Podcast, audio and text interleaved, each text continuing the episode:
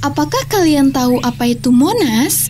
Monumen Nasional atau biasa disingkat dengan Monas merupakan sebuah monumen yang dibangun oleh Presiden Soekarno untuk mengenang jasa pahlawan yang telah gugur.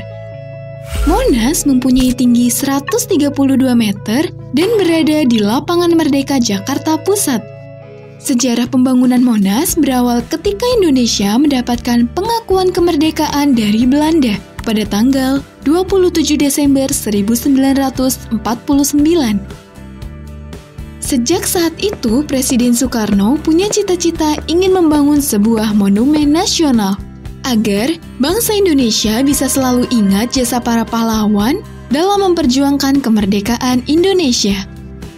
Pada tanggal 17 Agustus 1954, Presiden Soekarno membentuk Komite Nasional. Dan setahun kemudian, Komite Nasional mengadakan sayembara mendesain Monas. Dari 51 karya yang dikumpulkan, hanya karya Frederick Silaban yang lolos, di mana karya tersebut sesuai dengan kriteria panitia yang melambangkan jati diri dan sejarah bangsa Indonesia. Selanjutnya, Frederick diminta untuk menemui Presiden Soekarno. Desain Monas yang sudah dirancang ternyata kurang cocok bagi Presiden Soekarno. Lalu, Presiden Soekarno menawarkan desain lain kepada Frederick. Apakah kamu bisa merubah desain Monas agar lebih mirip dengan penduduk Lingga dan Yoni? Bisa, Pak. Akhirnya, Frederick Silaban merubah desain Monas yang sebelumnya agar terlihat seperti Lingga dan Yoni. Penggunaan konsep Lingga dan Yoni ini dipakai karena keduanya sudah melambangkan kesuburan yang melekat di dalam masyarakat Indonesia sejak dahulu kala. Kemudian, Frederick Silaban menyusun kembali rancangan Monas sesuai dengan permintaan Presiden Soekarno. Tapi ketika rancangan tersebut diajukan, anggaran yang dibutuhkan terlalu besar dan tidak bisa dibiayai oleh anggaran negara. Pak Frederick, ini biayanya besar sekali. Bagaimana jika ukuran Monas diperkecil?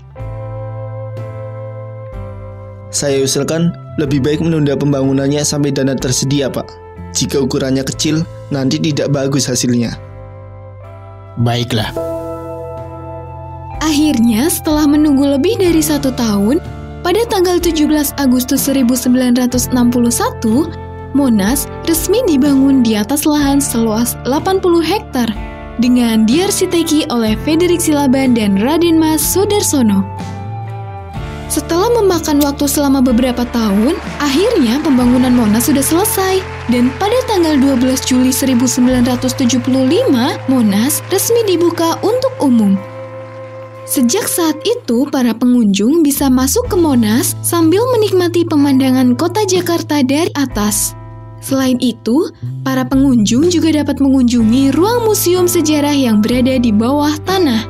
Di sana terdapat berbagai diorama yang menampilkan sejarah perkembangan bangsa Indonesia dari tahun ke tahun.